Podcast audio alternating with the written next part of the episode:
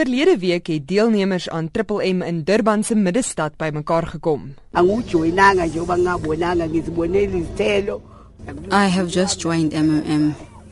I joined it after I saw it doing wonders to my children.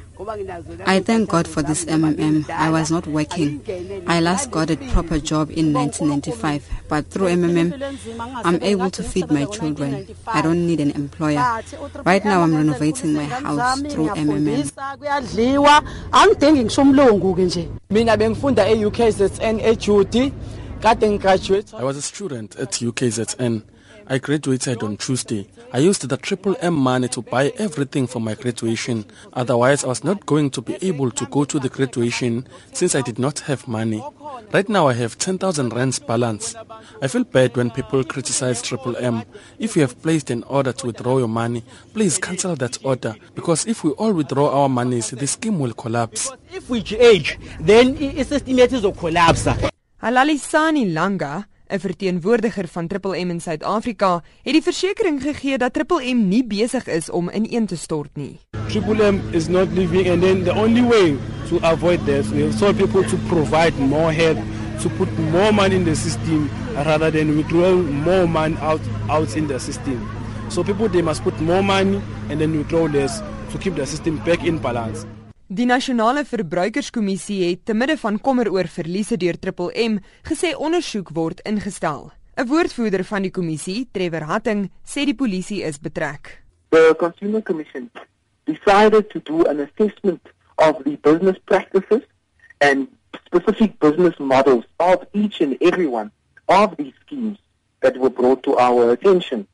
On completion of this assessment, we compiled a document which we then provided to the South African Police Services. The South African Police Services has been working with us on this matter since it was brought to our attention by the Reserve Bank and the Financial Services Board. Maar wat presies is Triple M? Waar kom dit vandaan en hoe werk dit?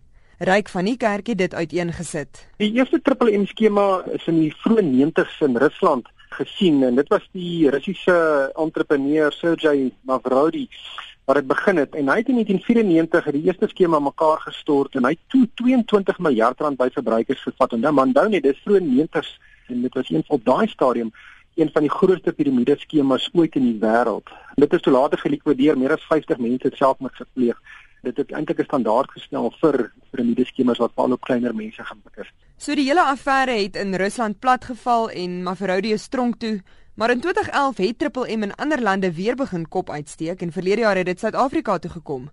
Hoe werk dit? Hy het 'n internetkomponent en dan het hy ook 'n fisiese 'n komponent waar jy geld oordra na ander mense toe. Ehm um, maar die hele skema is daarop gebou uh, op die goedheid van mense en 'n bietjie ook die ek weet uh, vraag of die greed soos die Engelsman sê van mense en die hele skema is eintlik 'n sosiale netwerk waar jy vir ander mense help deur geld in hulle rekeninge in te betaal en omdat jy dan so goeie en wonderlike mens is, gaan ander mense dit met jou ook doen. So wat is die stappe wat mense volg om deel te word? jy gaan registreer op 'n sekere platform, die Triple M platform, dan kry jy nou iemand wat regtig in die finansiële nood is en dan kan jy nou geld in daai persoon se rekening inbetaal. So sê nou maar jy betaal R1000 in daai persoon se rekening in, dan kry jy op die platform, die Triple M platform 1000 Mavros. Uh, nou daai Mavros is 'n virtuele geldeenheid wat net gekoppel is aan hierdie skema.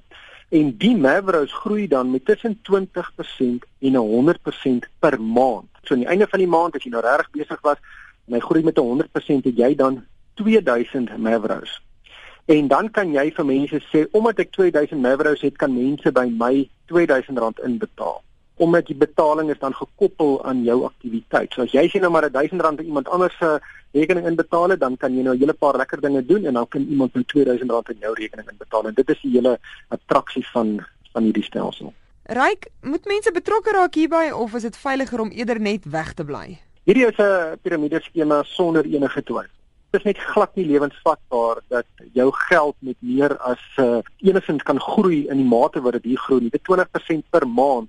Ehm um, dit is 'n geweldige groeikoers. Dit is nie volhoubaar nie. Ehm um, en dit selfs volgens die verbruikerswet in Suid-Afrika, die verbruikersbeskermingswet, is dit by per definisie 'n Ponzi skema. Mense gaan net trane huil as uh, jy betrokke raak hier bly weg dit is 'n Ponzi skema. Die polisie ondersoek nou die saak. Dink jy iemand gaan strafregtelik aangekla word hier in Suid-Afrika? Ek weet nie, dis ook 'n baie goeie vraag want die internetkomponent is eintlik waar die jy die die rente kry op 20% opbrengste per maand, 20% plus. Ehm um, en dit gaan baie moeilik wees om te ondersoek. Daai Mavericks is gekoppel ook aan Bitcoin wat ook 'n uh, baie groter internet virtuele geldeenheid is. En dit gaan baie dit gaan in verskeie lande sal daai ondersoek moet kom. Um in Suid-Afrika gaan uh, mense kan klagte lê, maar daai klagte gaan gelê word teen mense nommer 1 wat nie in Suid-Afrika is nie en en en mense wat baie keer onbekend is. Um die Mavrodi het heeltemal van die aardbol af verdwyn. Hy is seker maar die teiken nommer 1, maar ek dink uit 'n Suid-Afrikaanse perspektief gaan dit baie moeilik wees om iemand vas te trek.